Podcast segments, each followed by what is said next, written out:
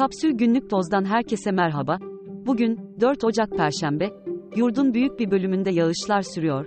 Doğu Anadolu'daki yağışlar kar şeklinde görülecek. Şimdi haberler.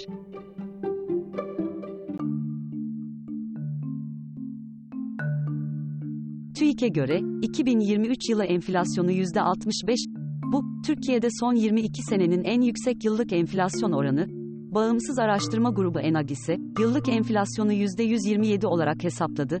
TÜİK enflasyonunun açıklanmasıyla emekli ve memur maaşlarına yapılacak zam oranı da belli oldu. Memur maaşları ve emekli memur aylıklarına %49.25, SSK ve Bağkur emekli maaşlarına ise %37.6 zam yapılacak. Böylece en düşük memur maaşı 31.715 lira, öğretmen 34.849 lira, araştırma görevlisi 47.989 lira, profesör 72.427 liraya yükseldi. KES, iktidarın, TÜİK eliyle gerçek enflasyonu en az %25 oranında aşağıya çektiğini ve kamu emekçilerine bir kez daha sefalet koşullarının dayatıldığını savundu. ENAG verileri baz alınsaydı, en düşük memur maaşı 36 bin lira civarında seyredecekti. Milletvekili maaşları yaklaşık 110 bin liraya, emekli milletvekili maaşı 77.565 liraya, hem emekli hem de vekil olarak görev yapan yaklaşık 300 vekilin maaşı ise 230 bin liraya yükseldi. Bedelli askerlik ücreti de 182.608 liraya çıktı. Akaryakıt ve içkide ÖTV zammı %25.6 olarak belirlendi. Böylece ÖTV tutarı litre başına benzinde 9.44 liraya, motorinde ise 8.85 liraya çıkacak. Bugünden itibaren geçerli olmak üzere, benzinde 2.31 lira, motorinde 2.17 lira fiyat artışı uygulanacak.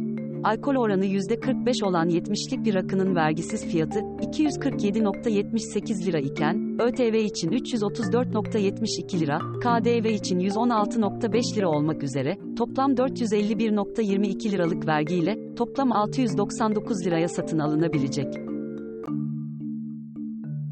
Gazeteci Fatih Altaylı, hakkında açılan iki ayrı soruşturma nedeniyle, 5 Ocak'ta ifade vermek için savcılığa gidecek. Altaylı, Ege Akersoy'un, tevhid bayrağı açan İsmail Aydemir'e yumruk atmasının ardından paylaştığı, eline sağlık mesajını bir süre sonra silmişti. Bu nedenle, Altaylı hakkında, suçu ve suçluyu övme suçundan soruşturma başlatıldı. Yargıtay 3. Ceza Dairesi, Anayasa Mahkemesi'nin, tipin tutuklu vekili Can Atalay hakkında ikinci kez aldığı hak ihlali kararını görüştü. Daire, AYM'nin hak ihlali kararının hukuki değeri yok diyerek kararı tanımadı. İkinci kararda, AYM üyeleri hakkındaki suç duyurusu ile ilgili yeni bir değerlendirme yapılmadı. TBMM'deki 600 milletvekilinin 58'i, genel kurul veya herhangi bir komisyonda henüz hiç konuşmadı.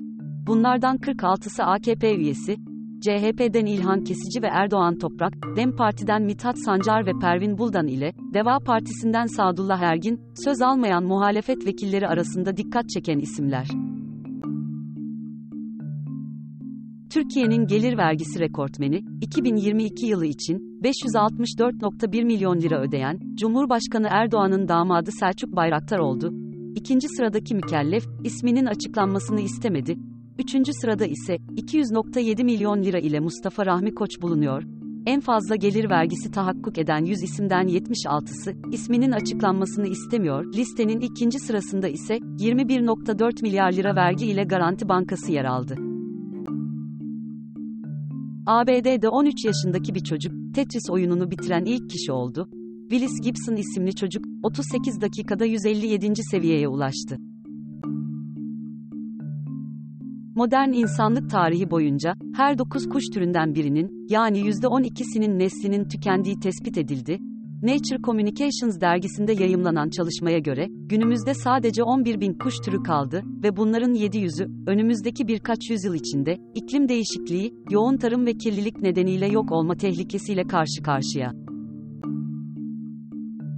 İtalyan Acil Tıp Derneği, İtalya'nın bazı bölgelerinde acil servislerin çöküşün eşiğine geldiğini duyurdu.